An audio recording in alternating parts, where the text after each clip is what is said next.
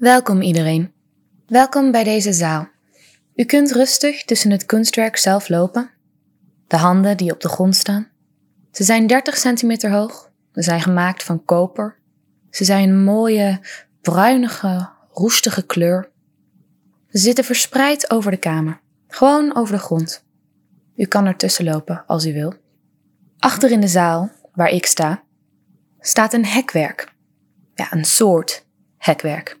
Het zijn metalen palen waarop kleinere, ongeveer 10 centimeter grote witte handen zijn gestapeld. Het hekwerk staat in één rechte lijn en zo zijn de handen ook. Hoewel de hoogte van de hekken verschilt. U kunt al meteen het verschil zien tussen de verspreide, grotere bruine handen en de, de metalen hekwerk, het rechte, het vaste van de witte handen. Kijk rustig rond naar dit kunstwerk. Terwijl je kijkt, laat me jullie een verhaal vertellen.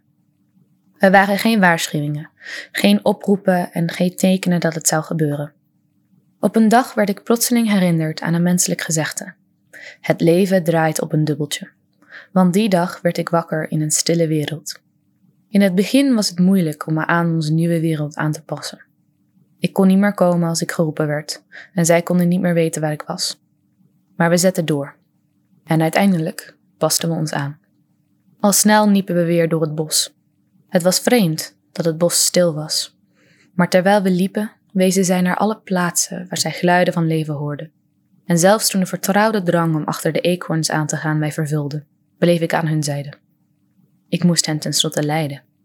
Mijn wereld mag dan stil zijn, maar die van hen is zwart. Dus liepen we samen op het vertrouwde pad. Ik zag voor hen en zij hoorden voor mij.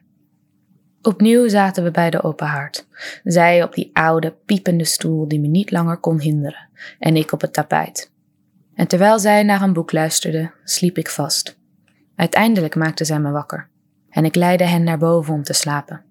Zij op het bed, ik op het tapijt. En zo gingen de dagen voorbij. En toen dagen maanden werden en maanden een jaar, het evenwicht dat we zo zorgvuldig hadden opgebouwd, verbrijzelde langzaam.